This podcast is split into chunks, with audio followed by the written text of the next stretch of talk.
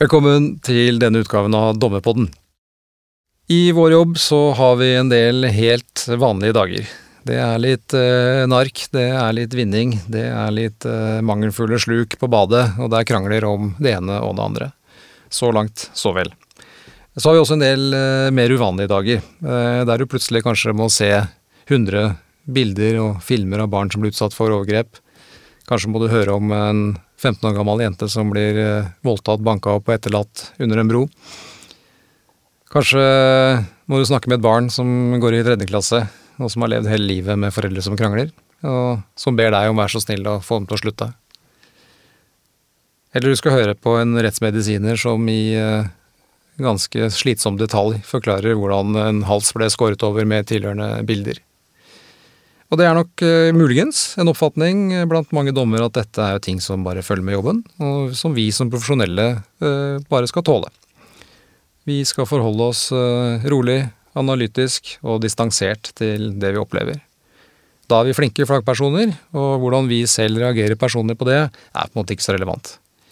Så er det vel kanskje også sånn at det er likevel ikke alt vi ser og hører som kan reduseres til bare beviser som skal brukes i en rettsanvendelse, og vi reagerer selvfølgelig også følelsesmessig på det som kommer vår vei.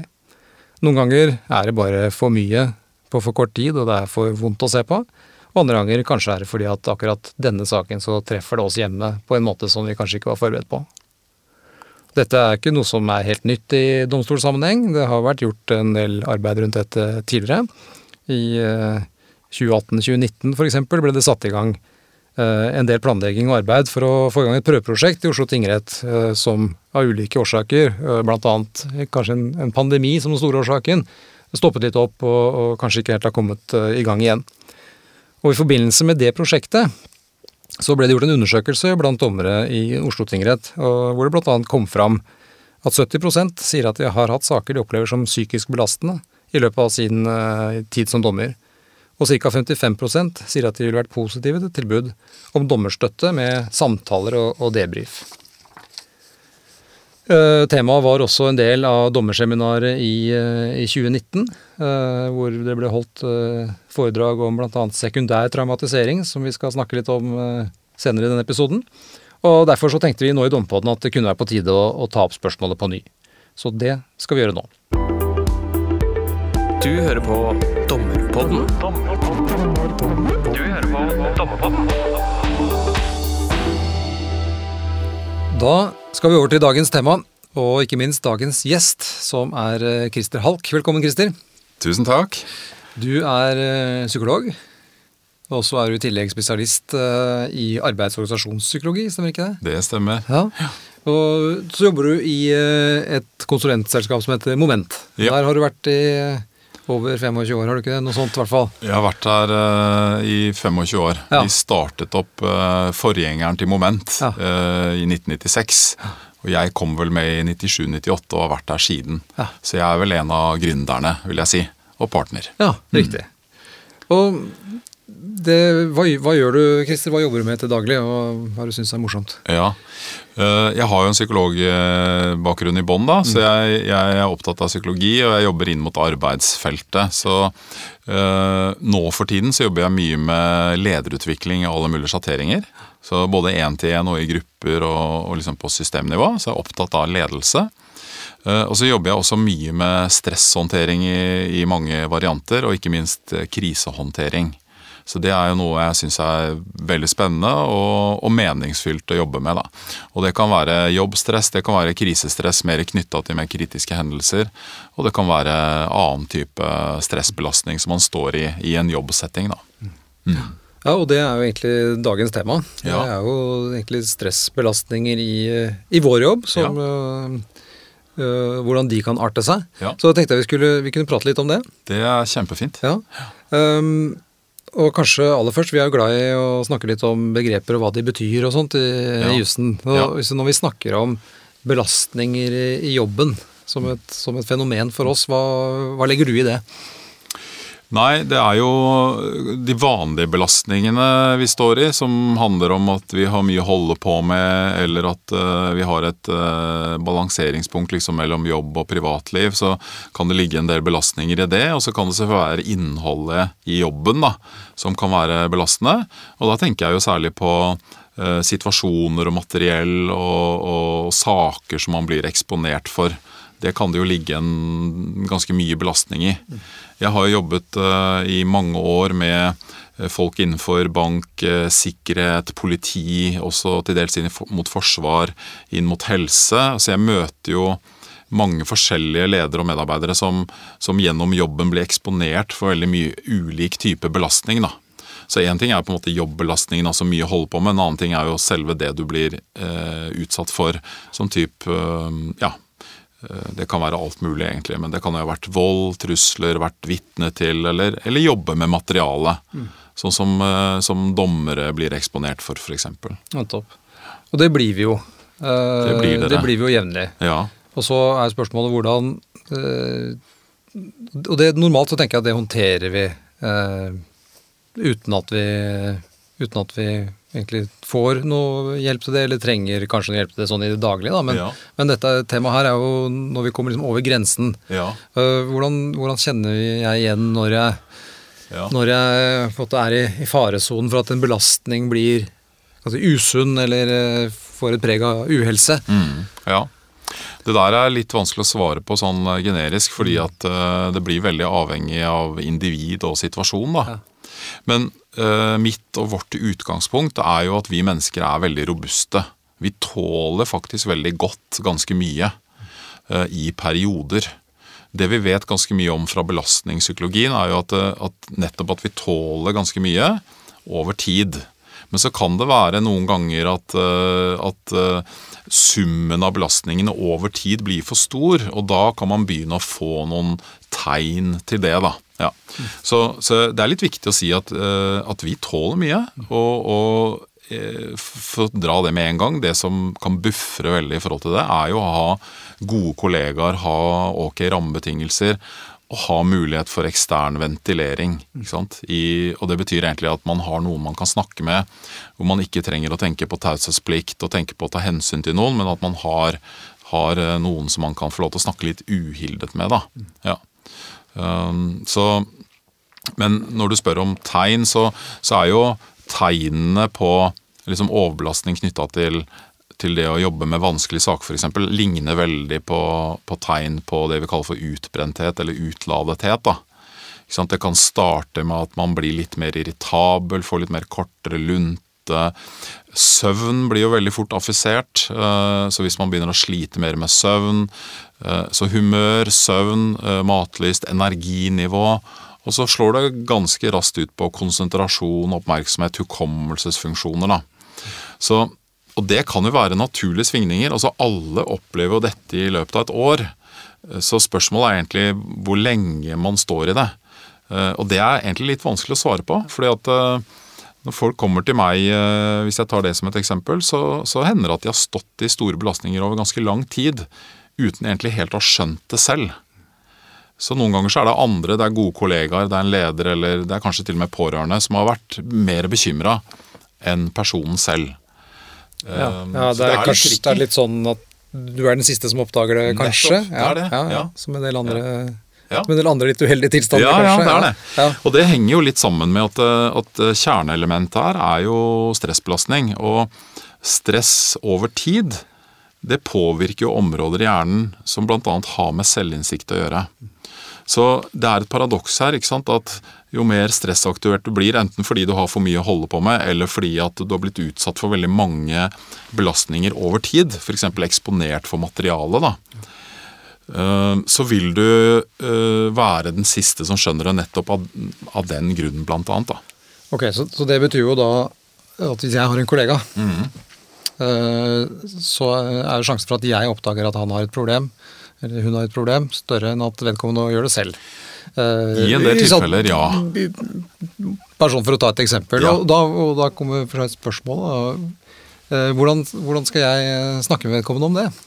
Sånn at ikke Man bare får en litt fiendtlig reaksjon i retur. Det kan være, bruker jeg bare, Hvis noen har kommet til meg og sagt at nå er, Ja, nå, er litt, nå er du litt ute å kjøre, nå ser du ikke bra ut. Ikke sant? Eh, Ja. Så det er ikke alltid man responderer så adekvat på det, kanskje. Nei. Eh, Men hvis man har en kollega som man er bekymra for, hva burde man gjort? Ja. Eh, For det er jo veldig riktig det at de færreste av oss ville jo egentlig likt å få en sånn type henvendelse. Selv om det er godt ment. da, I hvert fall litt den der at eh, det ser jommen meg sliten ut for tida. Er det mye som plager deg, liksom? Ja. Så kan jo det være en god invitasjon, men det handler jo mye om hva slags relasjon du har til kollegaen din. da. Men det å være litt mer, litt mer spørrende, kanskje. Uh, Sette av litt ekstra tid. Ikke bare den der eh, forbifarten ved kopimaskinen eller eh, ved kaffebaren. Litt sånn der 'åssen går det?' Jo da, det går jo greit, det er litt mye å gjøre, er jo det vanlige svaret. ikke sant? Da kommer du ikke så langt. Så du bør jo kanskje, hvis du, hvis du liksom er litt bekymra, så ta heller og Ok, skal vi gå og ta en kaffe en dag? Setter vi oss litt ned og så, og så undersøker litt, da. Jeg har jo lagt merke til sånn og sånn. Eh, Åssen går det med deg? Eh, Så kan det hende at du får noe da. Og så kan det hende at du ikke får det. Ja. Og da har du i hvert fall prøvd, da. Ja, ja da. Og så er det jo, i og med at jeg jobber mest med arbeidsliv, så er det jo sånn at uh, hvis du er i en, en ansatt situasjon, da, hvis du har en leder over deg, så tenker jeg at det ligger i lederens omsorgsplikt å sjekke ut hvordan det går. Og da kan du være litt mer inngående, for da ligger det litt i det mandatet du har som leder. da. Ja. Eh, Men det er litt verre når man er selvstendige personer som jobber mye fritt og som har veldig stor autonomi. Så er det kanskje litt vanskeligere å komme i den posisjonen. Ja. Og kanskje også en kultur hvor det ikke er så stor forskjell på Hvor det ikke er så vanlig å, å ta opp disse tingene. Ja, Jeg kjenner, jeg kjenner jo noen psykologer, jeg er alltid veldig misunnelig på psykologene. Ja, Som da får en u time i uka, eller hva det nå er, en time hver 14. dag, Ja. til bare snakke med en annen klok eldre person, kollega, hva Ja, det ja. måtte være. Det høres jo fantastisk ut. Det, det skjer jo aldri for oss. Nei. Vi kan Nei, gå, nei. til, vi kan gå en hel, helt liv, yrkesliv, uten å egentlig ha debrifet en eneste gang om noe vi holder på med. Nettopp. Jeg er usikker på om det er en veldig god idé, egentlig. Nei, altså vi må finne en balansegang her. fordi at litt sånn som jeg sa i stad, så er jo vi mennesker er stort sett eh, robuste, og vi tåler også veldig mye f.eks. i en jobbsetting. da. Um, og det er jo særlig, det vi ser er jo noen ganger at uh, uavhengig av hvilken bakgrunn du har og yrke og sånn, hvis du får det litt i stereo, hvis det både er vanskelig på jobb da, og det er vanskelig på privaten, så, så er det faktisk en del som går ned i knestående og trenger hjelp. da. Vi har jo eh, en del kunder, eh, blant annet så syns jeg at eh, politiet har vært igjennom en ganske sånn stor kulturendring når det gjelder denne tematikken her de siste ti årene. Det har blitt mye større åpenhet om behovet for å jevnlig debrife. Både sånn internt med gode kollegaer, kollegastøtteordning, men også det å bruke eksterne. Og eh, det er ganske mange f.eks. enheter innenfor politiet nå som har en sånn årlig obligatorisk HMS-samtale. Um, nettopp fordi man ønsker å forebygge, man har et kontaktpunkt. Veldig ofte så er det en samtale som handler om at ting går bra, men, men det er en mulighet for å fange opp de situasjonene hvor det faktisk ikke går bra, men hvor, hvor man ikke tør å si fra om det. Um, så, og, og det vet jeg skjer i andre også mer sånn utsatte, belastende yrker. At man mer og mer legger opp til uh, litt mer sånn at det er en del av det vi gjør her, det er en del av kulturen vår. Ikke fordi at folk er så svakelige, men mer for å forebygge uh, uhelse. For at det som kan skje, uh, og det har vi en del data på, det er jo at hvis man ikke har noe på dette, særlig Forsvaret f.eks. tidligere, Libanon-veteraner, var med på mye fælt. Fikk ikke noen form for oppfølging i det hele tatt. Det kunne gå både 10, og 15 og 20 år, og så fikk de en skikkelig krasj. Og, og det har jo Forsvaret skjønt, da, så de har jo blitt mye, mye flinkere til Jeg vil si at de nesten ligger i front Ja. på det å tilby hjelp både til folk som har vært direkte involvert, og indirekte, da. Ja, og det er vel, og det, det har jo kommet, som jeg nevnte innledningsvis, og så har det vært noen initiativer altså, innenfor vår verden. Um, en grunn til at det kanskje vi er litt etter der, kan jo være det du nevnte, at dette med direkte og indirekte, vi, vi er jo ikke så direkte eksponert antagelig. Vi, vi står ikke i frontlinja og opplever dette selv, men vi får det, Ja. vi får det i kan si, en annen runde. ja. Ja. Er det noen forskjeller på Ja, jeg tenker at eh, det er sikkert en del av lytterne her som kanskje har hørt om et begrep som heter sekundærtraumatisering. Ja, det, det Det tror jeg, for dette var et tema eh, på de dommerseminarene som, eh, som vi hadde i 2019, hvor Per Isdal, eh, som du sikkert kjenner, har, Ja. eh, hadde, Ja, hadde et innlegg om det. ikke sant. Eh, Ja. Så i hvert fall ganske mange av dommerne har nok Ja. viss kjennskap til det. Men, eh, men fortell oss gjerne hva det er.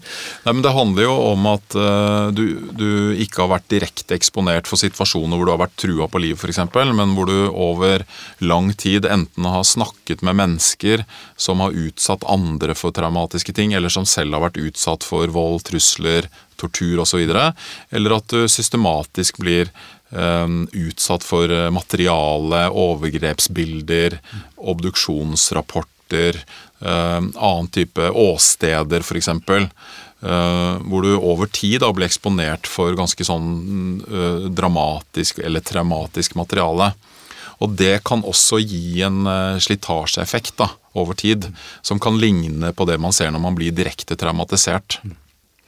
Så det har man jo tatt mer og mer på alvor, at uh, man kan gjøre veldig mye på å forebygge, f.eks. For eksempel, fordi at det er en del uh, samfunnsoppdrag, sånn som dommere f.eks., eller uh, folk som sitter og går igjennom overgrepsbilder, eller jobber på åsteder, eller tar opp avhør av barn eller voksne som har vært utsatt for ting. Det er jo veldig meningsfylt. altså Noen må gjøre den jobben. Eh, og her har vi en del forskning fra belastningspsykologien som viser hva vi kan gjøre for å forebygge. da. Ja. Uh, og, der finnes det mange teknikker. Det finnes uh, dette her med å dele, det å kunne snakke med noen. Og det å forberede seg mentalt Ja. på hvordan man kan beskytte seg litt. da. Jeg kan ikke snakke litt om det, fordi Ja. det tenker jeg er ganske relevant for oss. At vi, vi, har en, eh, vi har en indikasjon på hva vi skal gjøre. I en straffesak så vet vi hva som står i tiltalen. ikke sant? Så da kan Ja. du se. Der har du en sivilsak, som om det er barn, barnevern eller andre ting, så, så, så har du en ganske god indikasjon på hva det er. Ehm, og så tenker jeg at, og dette kan du eventuelt si noe om, altså jo mer, ehm, jo mer vi har fokus på de belastningene, og, og, jo, og de vanskelige tingene som vi skal stå overfor, Ja. eh, så skal vi samtidig ta en beslutning i andre enden av det der. Dette er jo en prosess. Vi ser jo på dette fordi vi skal bestemme et eller annet. Mm. Og da har jeg en bekymring om at jo mer du er opptatt av detaljene i hva som har skjedd i hendelsesforløpet og de belastende mm. bildene og tingene man hører og ser, Mm. Eh, at det også går utover eh, oppmerksomheten din rundt andre ting som kanskje også er relevante. Altså om det har noen, hvilken negativ effekt det har på, på beslutningsprosessen vår. Ja. Det kan også Ja. være en sånn innfallsvinkel, kanskje. Nå var det flere spørsmål samtidig, muligens. Men Ja da, men Ja. eh, la oss uh, Ja. prøve å rydde litt i det der, da. Ja. Um, for jeg tror nok du har rett i det, at, eh, at hvis du blir sant, du kan jo, Det kan bli veldig mye følelser knytta til det du ser. sånn at uh, på et eller annet vis må vi klare å, å finne en sånn balanse mellom å bli aktivert da, sånn emosjonelt, følelsesmessig, og det å klare å, å holde et klart hode. eh, og klare å skille det viktige fra det uviktige her, da. Um, det der med å, fokusere på detaljer versus det å se liksom litt mer i de store linjene. Eh, Når jeg jobber med miljøer som blir direkte eksponert for f.eks. Eh, overgrepsmateriale eller, eller annen type veldig sånn traumatisk materiale, så er jo en av de teknikkene eh, de miljøene bruker, det er å skru av lyden. Eh, ikke se på ansikter nødvendigvis hvis de ikke må. Fokusere mer på detaljer rundt. Fokusere på hva er det jeg er ute etter. Dette er jo typisk sånn etterforskningsmiljøer eller miljøer som skal finne ut av, av identitet. Men, men de har et mindset som handler om å ikke prøve å ta inn alt på en gang, men konsentrere seg om mindre deler. Fordi det gir, gir mindre belastning. Da. Så det er en del sånne beskyttende ting du kan gjøre når du jobber med dette materialet, som jeg tror det kan være veldig nyttig. da for deg og dine kollegaer å, å være mer bevisst på. Fordi at da går man inn i det med et annet type mindset. Gir det mening? Ja, ja absolutt. Mm. Og så tenker jeg, når man, Hvis man skal ha en eh, Jeg skal ha en ganske belastende sak neste uke, f.eks. Ja.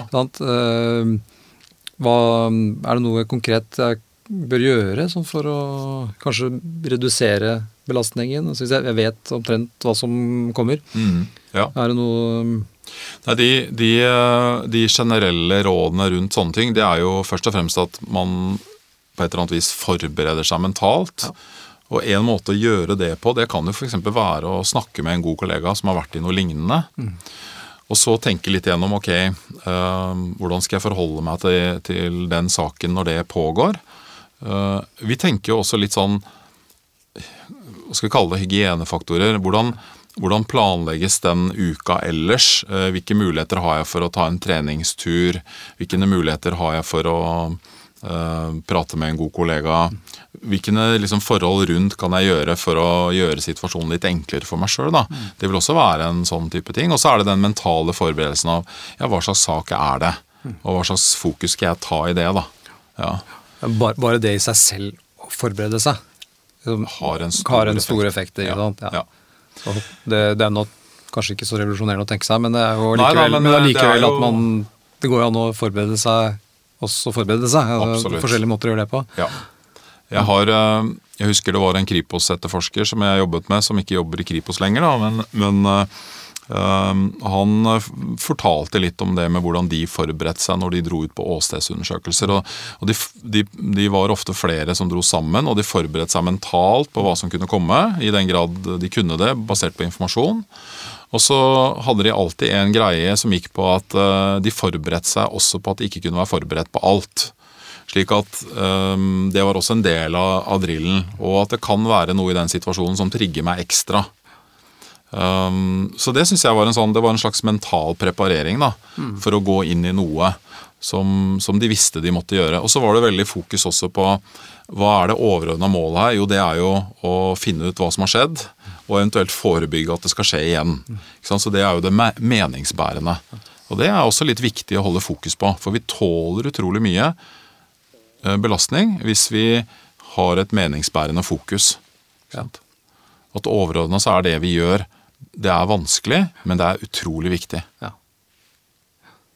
Og så varierer kanskje Det er kanskje litt i forlengelsen av det, men altså den, hvilken situasjon man er i selv, konkret. Ja.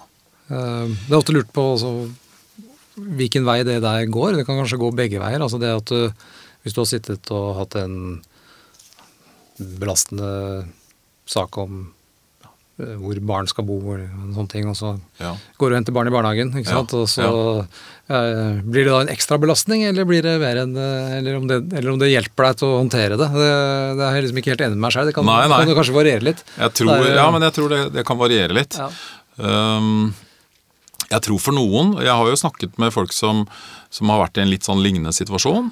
Og som har et slags sånn um, avslutningsritual, kall det det. da. Det gjør det litt sånn, Nå høres det voldsomt ut, da, men det trenger å være bare en liten ting. Men bare skriver ned noen linjer før de går fra jobben, og legger det fra seg på jobb før de går hjem til det private. da. Og så har jeg jo selv erfart når jeg har En jobba med overgang.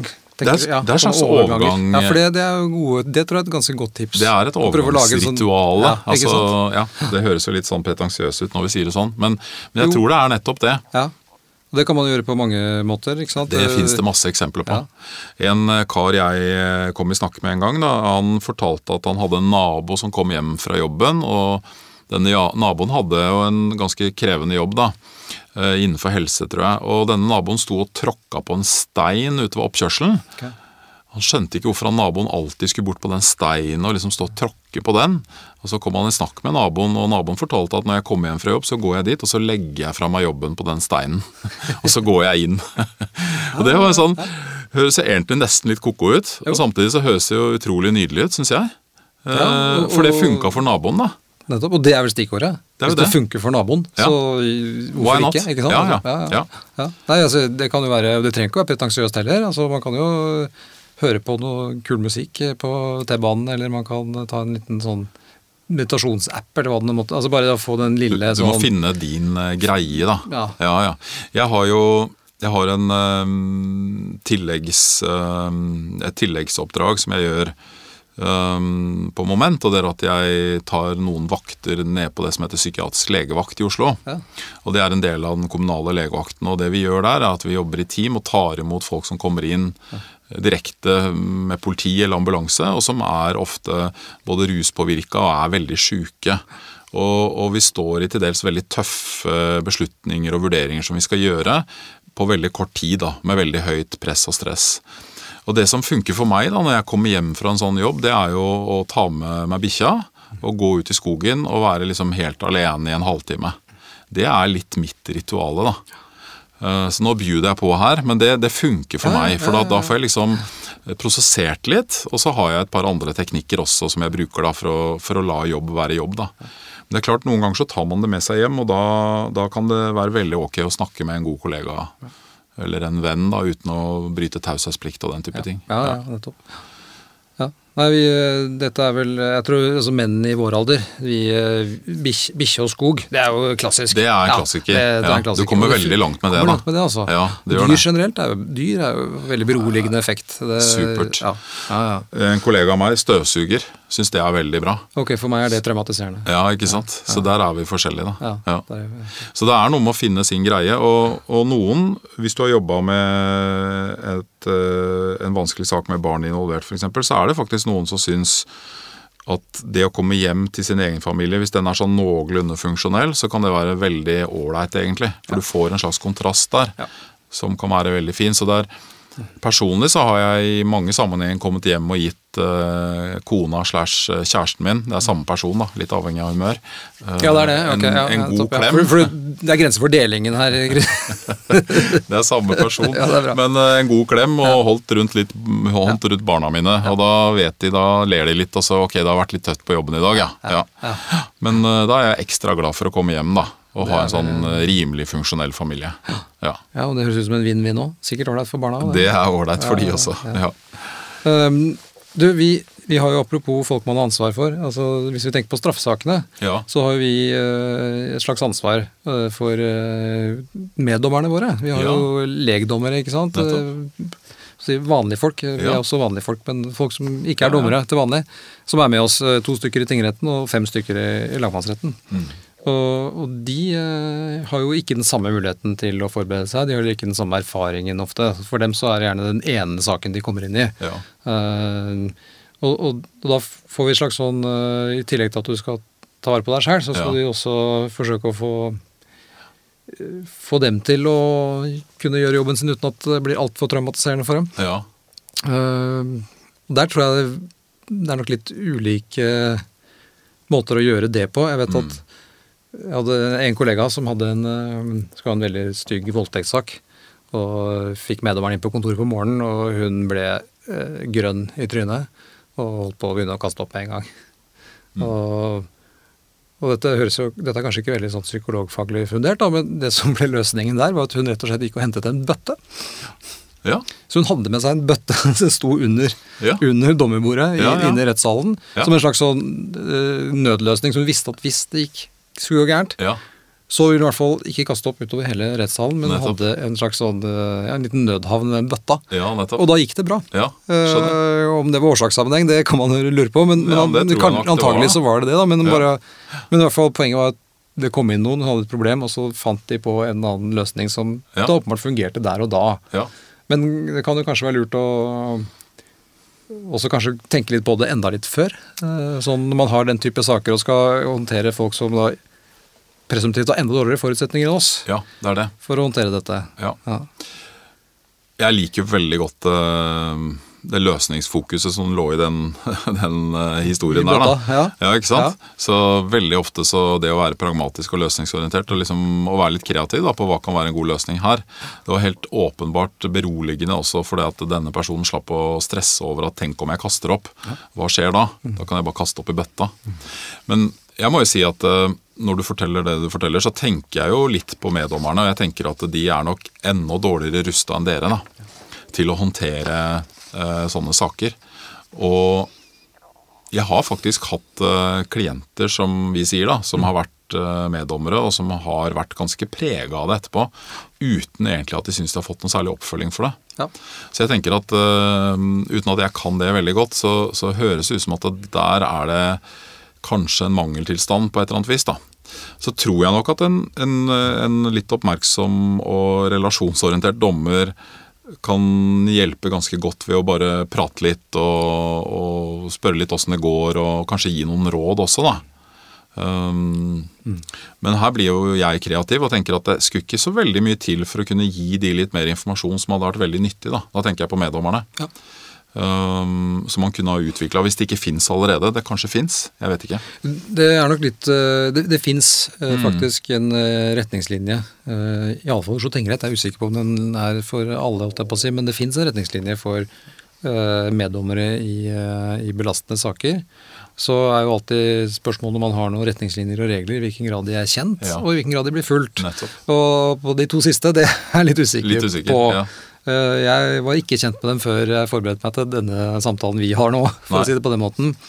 Så det, mm, det er jeg litt usikker på, men jeg tenker at um, bare det å, ha, bare det å anerkjent at dette kan bli krevende, Ja.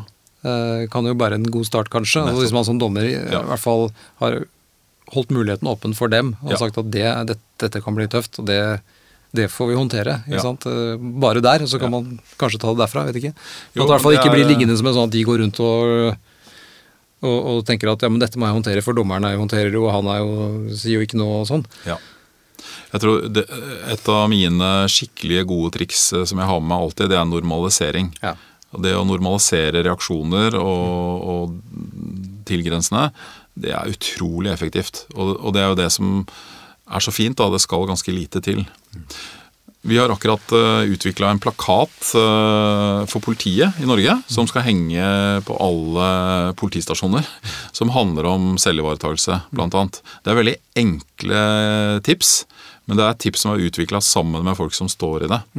Eh, og, bare det å ha en sånn type eh, konkrete tips og råd, da. Hva gjør du? Det tror jeg er utrolig nyttig.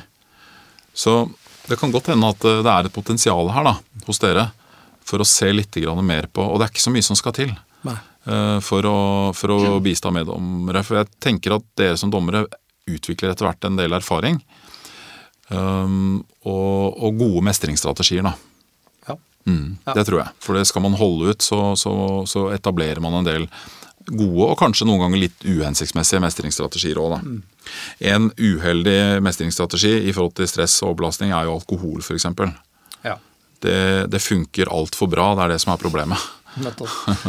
Så det, det er det jo en del som har erfart, dessverre. Da. Det er det mye høyere fokus på i 2023 enn det var bare 15-20 år tilbake i tid. Ja. Uavhengig av bransje, så, så det har man sett. da. Men, eh, men det er jo som et eksempel da, på noe som ikke er så smart å, å bruke. Nettopp. Mm. Så ikke, ikke drikke på jobb, det, det, den, Det er jo- den er på en måte grei. den grei. Og, og sannsynligvis ikke så smart eh, etterpå heller, hvis man syns at det var vanskelig. Nei, egentlig Nei. ikke. Det er flere, flere gode grunner til å ikke gjøre det, faktisk. Ja. Ja. Ja.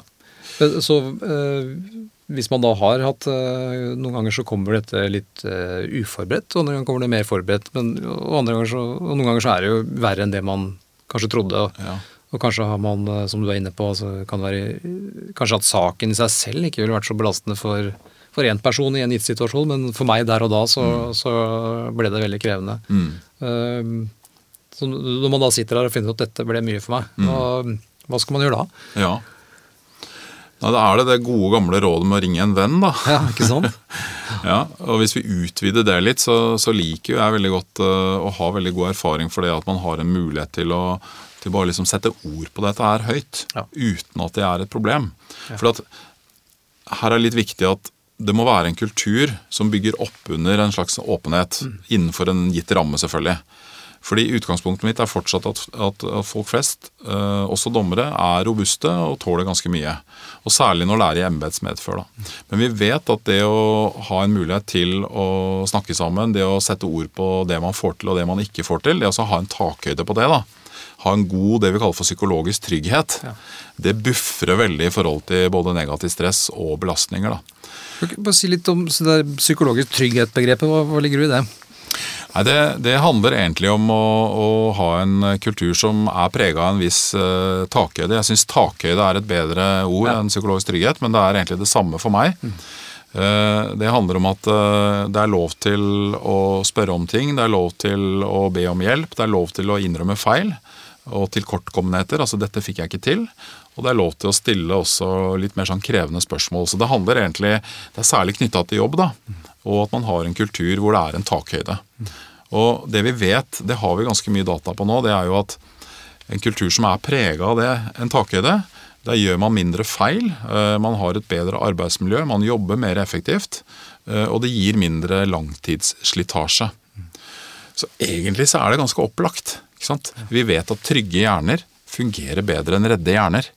Så, så har man et eh, rimelig støttende miljø på jobb, så kan man tåle ganske store belastninger. Så mm, det er ikke så Igjen, da, jeg har vel sagt noen ganger nå, men det er ofte ikke så utrolig mye som skal til. Og Det er jo det som er så fint med dette her, at, eh, at selv ganske små grep kan eh, gi ganske stor effekt. da. Du, og hvis man, hvis man skulle være så uheldig da, og, ikke gjøre noe med det, dette blir liggende og ulme altfor lenge, hva kan, hva, hva kan i verste fall skje da? Nei, Det som kanskje ikke er helt uvanlig, er at eh, du får en eller annen form for stressreaksjon da, på et eller annet tidspunkt. Så enten at du Det er egentlig to veier der, og det, dette er jo ikke for å skremme noen, men du kan enten på en måte oppleve mer og mer at energinivået forsvinner, og at du, at du blir mer og mer glemsk, og, og at du liksom distanserer fra jobb. At det er mer sånn utladet, utbrent, altså mer sånn utmattelsessyndromer. Eller så kan du eh, gå andre veien, at du får en mer sånn akutt stressreaksjon. eh, Det vi kaller for en form for panikkangst, eller at du får en veldig sånn sterk stressaktivering i en eller annen situasjon som kan være innmari ubehagelig. Og Begge de to tingene kan jo være varsler på at nå har totalbelastningen vært for stor. da. Og så kan det selvfølgelig sette seg i kroppen, det er jo ikke uvanlig det. At, eh, at eh, det blir muskulatur, og det blir rygg og nakke og hodepine og den type ting. Og dette med søvn, da. Søvn er veldig sårbar for sånne ting. Så um, Og det blir vel kanskje litt sånn dum, selvforsterkende greie også. Hvis det man, blir en selvforsterkende greie. ja, Ja. ja. Mm. Så da er det på tide å Da trekker man i nødbremsen. Da bør man trekke i nødbremsen. Ja. Og det beste er jo man kan forebygge her, sånn at man fanger det opp uh, tidligere. Eh, og eh, hvis ikke, så bør det jo være systemer rundt som er ivaretagende. Da. Ikke sant? Og da er vi, da er type HR-personalfunksjoner, det kan være nærmeste leder, det kan være bedriftshelsetjeneste, det kan være sånne aktører som Moment f.eks. Ja. Ja. Du, det, det er jo lett å bare liksom henge seg opp i alt det som er vondt og vanskelig og negativt og sånt. Ja.